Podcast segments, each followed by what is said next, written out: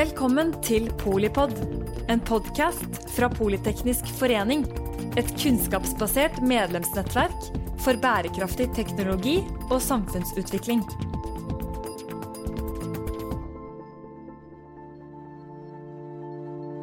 Hei og velkommen til uh, ny episode av Polipod med Terje Strøm. Jeg er sjeføkonom i Ny Analyse og har i dag med meg en uh, viktig gjest i forhold til uh, eiendomseierskapet fra utlandet i Norge.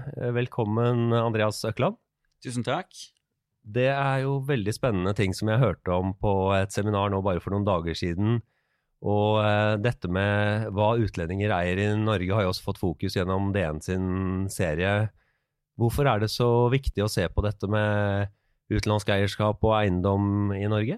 Jeg tror vi må begynne med å snakke litt om hvorfor vi som økonomer ser på dette, hvem som eier eiendom i Norge, og hvordan det påvirker uh, samfunnet. Fordi at i økonomifaget så er vi gjerne liksom opptatt av elastisiteter og ting som er veldig vanskelig og rart, og hvordan folk oppfører seg. Men det vi har prøvd å gjøre i det prosjektet som jeg har jobbet med en stund med, som går på dette med eierskap til eiendom, er å se på hvem er det som faktisk som eier eiendom rundt oss. Og det ser vi på fordi at det har veldig mye å si enten du på en måte er en leietaker og leier av et selskap, f.eks., som kan være eid fra utlandet, så kan være veldig vanskelig å vite hvem som faktisk uh, er ansvarlig her. Hvem er det som uh, pengene dine går til? Hvem er det som er ansvarlig hvis selskapet går konkurs, og du har på en måte ikke får ikke tilbake depositum, alt dette her, da. Ja, det er kjempeviktige ting. Uh, men det er veldig smått i forhold til liksom, de veldig store og vanskelige tingene som går på dette med at eiendom også brukes mye til uh, alt fra måte, hvitvasking til skatteunndragelse til uh, Det kjøpes opp av rike oligarker og alt dette her. Det er en del sånn problemer, uh, problemer der som er veldig sånn stor, storpolitiske ja, og høyaktuelle. Det er jo faktisk veldig interessant. Da. Mm. Det er jo alt fra de, det med Russland som er nå med Europa, og også det med de som har flyttet ut fra, fra Norge, og mm. ganske mange som tilpasser seg så vidt jeg skjønner og husker fra det du presenterte, så var jo Luxembourg og Nederland f.eks. Mm. sånne typiske i tillegg til sånn tidligere altså Cayman Islands og, og Jersey og osv. Er, er det noen grunn til at de ofte dukker opp i forskningen? Jeg lurer på, bare for å forklare litt hvordan vi tenker rundt dette, eller hvordan dette ser ut for eh, vanlige folk, så har man i Norge i dag et eiendomsregister. Så for alle eiendommer i Norge så kan man gå inn og se. Logge inn på Kartverket og se hvem som eier den eiendommen. Ja, det kan man, ja. Men da er det bare den som er registrert som eier, som står. Så det kan være på en måte Andreas Økland som eier en leilighet i Oslo. Ja. Og så kan leiligheten ved siden av være eid av Trust Company fra British Virgin Island. Eller ja, fra, det kan være eid av et fond fra Luxembourg osv. Um, og når det er eid uh, denne måten her, uh, så gjør det det veldig vanskelig for meg som bor i den ene leiligheten, å vite hvem som egentlig eier den ved siden av. da. Så det er på en måte å kvantifisere dette fenomenet da, med at utenlandske selskaper eh, eier eiendom i Norge, eh, hvor stort det er, som vi har eh, gått etter og sett. Og da ser vi jo det at det er mange av disse landene, som Luxembourg eksempel, hvor man har eh, store fond, eksempel i Luxembourg, eller mm. Nå sier jeg store fond, men det vet vi ikke. Vi vet bare at det er et fond, og det kan, være, det kan ha tusen eiere. Ja, men det kan også ha to eiere. Ja bestekompisen til Putin og bestekompisen til bestekompisen til Putin. Ja. Men det vet vi ikke, og det er litt det som er grunnen til at vi ønsker å Ja, for man ønsker jo, myndighetene vil jo at det skal være transparent, for mm. det går jo på nettopp skatteunndragelser, mm. og også litt sånn type sikkerhetspolitisk, og tryggheten til uh, innbyggere. Ja. Og også dette med at uh, uh, du nevnte jo for meg tidligere dette med at det står et lager eller en næringseiendom på Grünerløkka brakk liksom i ti mm. år. Det er også veldig kjipt for de som bor der. Ja, sant, fordi at man tenker gjerne på en eiendom som noe du har, men en eiendom er en del av et samfunn. Eh, alle eiendommer i Norge er med på å forme det samfunnet vi lever i. Vi går til jobb, vi går på skole, vi beveger oss rundt, vi går på og shopper og gjør alt dette her. Eh, og alt dette påvirkes av hva andre gjør med sine eiendommer, hva de andre gjør med sine hvordan de, de, forvaltes. Og fordi at så mye av dette er privateid, så vil det være de eierne som står bak, som har på en måte en veldig stor eh, handlerom til hva de gjør. da.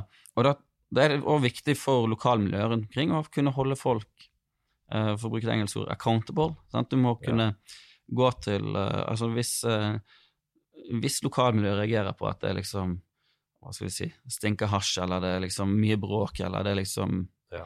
eh, noe som står tomt da, lenge, eh, så må lokalmiljøet kunne gå til liksom, Avisa Oslo for eksempel, og si sånn. Eh, vi reagerer veldig på dette her, og så må Avisa Oslo på en måte få tak i eieren. da. Ja, ja, ja. Og Eh, hvis den personen da er et selskap Ja. på en øy langt Mm. vekk i stand, da, da stopper de sikkert ganske fort opp og prøver å involvere på en måte myndigheter på et annet vis. Ja, det blir nytteløst, sant. Og der kan det være faktisk folk som har på en måte også legitime interesser, på en måte, eller som, Ja.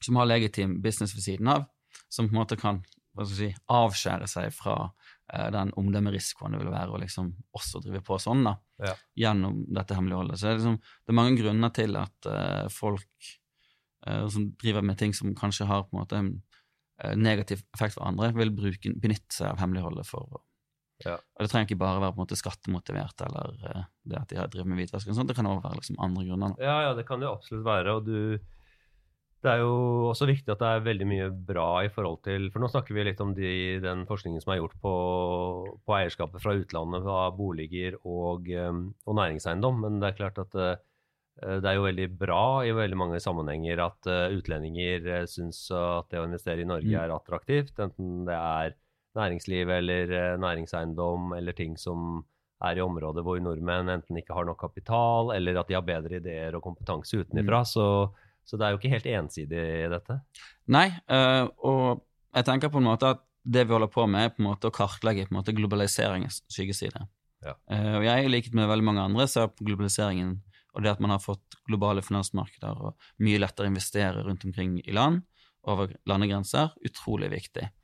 Uh, og veldig mye av det som foregår også er veldig nyttig for samfunn, men så har vi kanskje vært litt naive i denne globaliseringen, både fra på en måte samfunnets side, men òg eh, hvis du ser på en måte på eh, også på staten, og hvordan staten f.eks. har brukt skatteparadiser når de har følt at det har vært nødvendig, og sånn.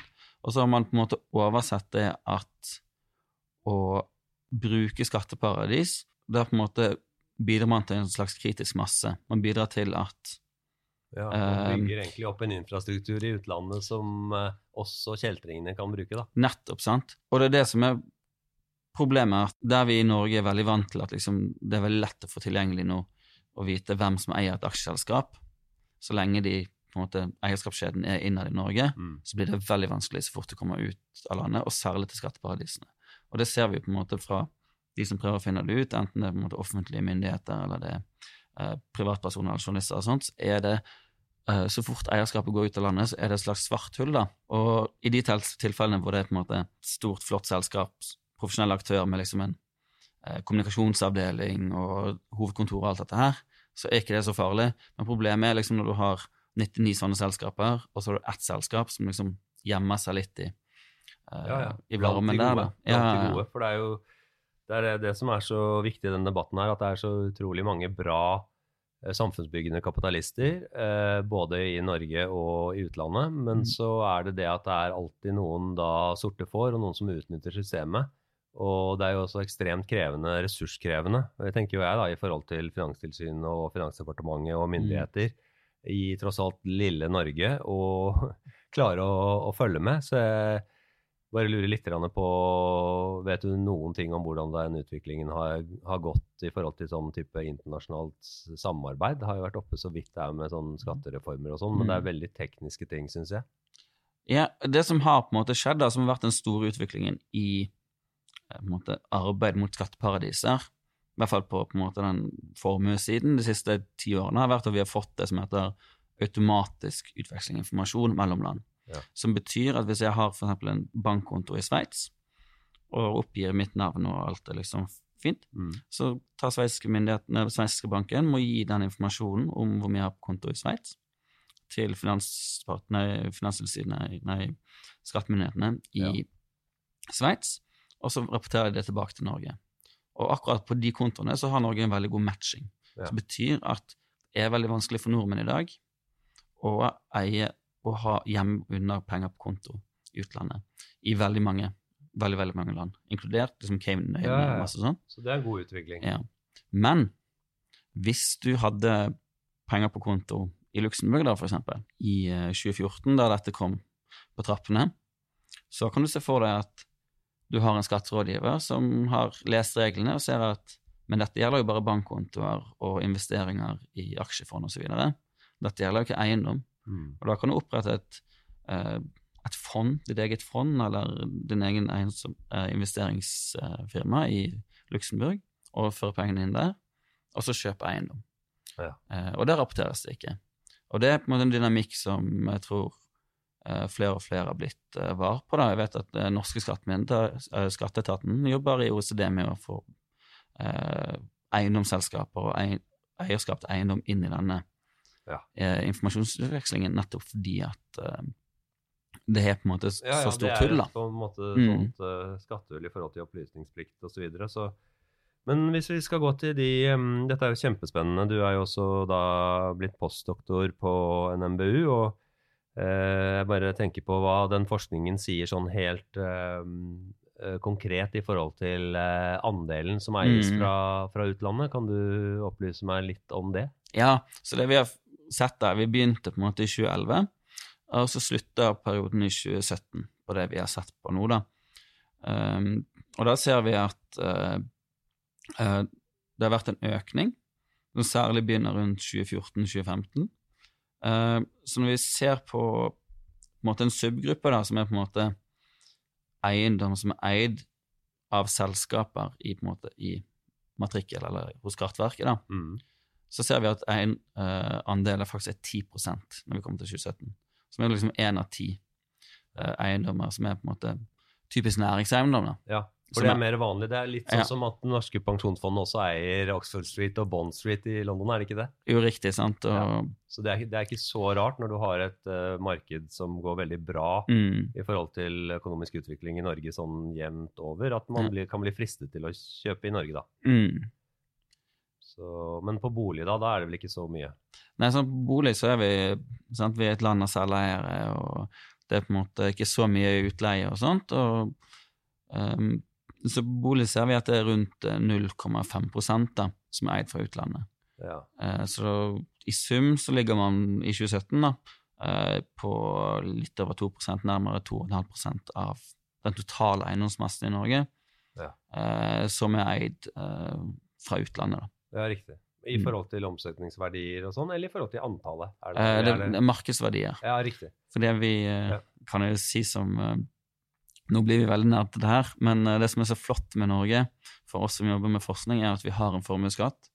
Så kan man si hva man vil om formuesskatten, men det betyr også at vi har veldig god kontroll på hvor mye formue vi har her i landet. Ikke bare hvilken formue nordmenn har, men man må rapportere liksom, hvis man eier eiendom, men bor i utlandet, f.eks. Så vi har veldig god kontroll på eiendomsmassen i Norge hvor mye den er verdt Ja. pga. formuesskatten. Og det er det vi prøver å da, i vår forskning. Riktig. Men Mm. da lurer jeg bare på helt til slutt, før vi gir oss, at uh, hvordan Nå er statsbudsjettet kommet, og SV har fått igjennom noe i forhold til dette med, med skatteflyktninger fra Norge, og den biten rundt at det er blitt flere. Men ser du for deg en, en annen sammensetning enn at forskningen vil kunne være annerledes, basert på at det blir mer vanlig at man flytter til utlandet? For jeg, jeg, du, hvis du Mm. helt kort bare kan ha noen sånn eh, prognoser på hvordan dette kan se ut om, om fem år, da, eller eh, fem år etter når den forskningen er Ja. Nei, um, det vi har sett på en måte når uh, Så vi jobber med data hvor vi ikke kan se navnet på folk. Vi jobber med det som heter deinfiserte data, men det har jo vært mange eksempler i avisene og sånt om hvem som eier eiendom for utlandet, og det ser vi jo at det er jo en del nordmenn eller folk med norske pass, da. Ja, for det må det være. Sant? Ja, masse folk som uh, eh, bor i London, eller bor i Sveits, eller bor i uh, Er registrert på Kypros eller USA, da, for eksempel, som, uh, som Hvis dere er eiendom i Norge, liksom landet de kjenner, selv om de er registrert i utlandet, da, Mm. og har selskaper over i utlandet. Eh, så det må man kunne anta at dette er på en måte rent mekanisk når en del av disse eiendomsinvestorene eksempel flytter til Sveits, så vil de på en måte telle som utlendinger i våre statistikker. da. Ja. Uh, men så må vi si at uh, siden det sitter, sikkert sitter noen hjemme nå og tenker sånn Ja, så liksom hele den 2 og hele den 10% er bare liksom nordmenn, nordmenn, på en måte. Så er det ikke det. Ja, det er, Det, det, det ser vi på en måte ganske tydelig, at dette er ikke bare nordmenn eller bare liksom falske utlendinger. da. Det er også helt klart også reelle Ja. utlendinger som Mm. kan ha både gode og dårlige intensjoner med Ja. å investere i eiendom i Norge. mm, Ja, tusen takk. Dette var eh, veldig opplysende og fint å få med seg på podkasten. Eh, postdoktor Andreas Økland, eh, tusen takk for at du var med oss i dag. Tusen takk for at vi fikk komme. Du har nå hørt Polipod med Terje Strøm, en kort podkast om dagsaktuell samfunnsøkonomi tilpasset tidsklemma og ledere i farta. Takk for at du lyttet til Polipod fra Politeknisk forening. Få med deg flere episoder, eller bli med på nettverksmøtene som du finner på at polyteknisk.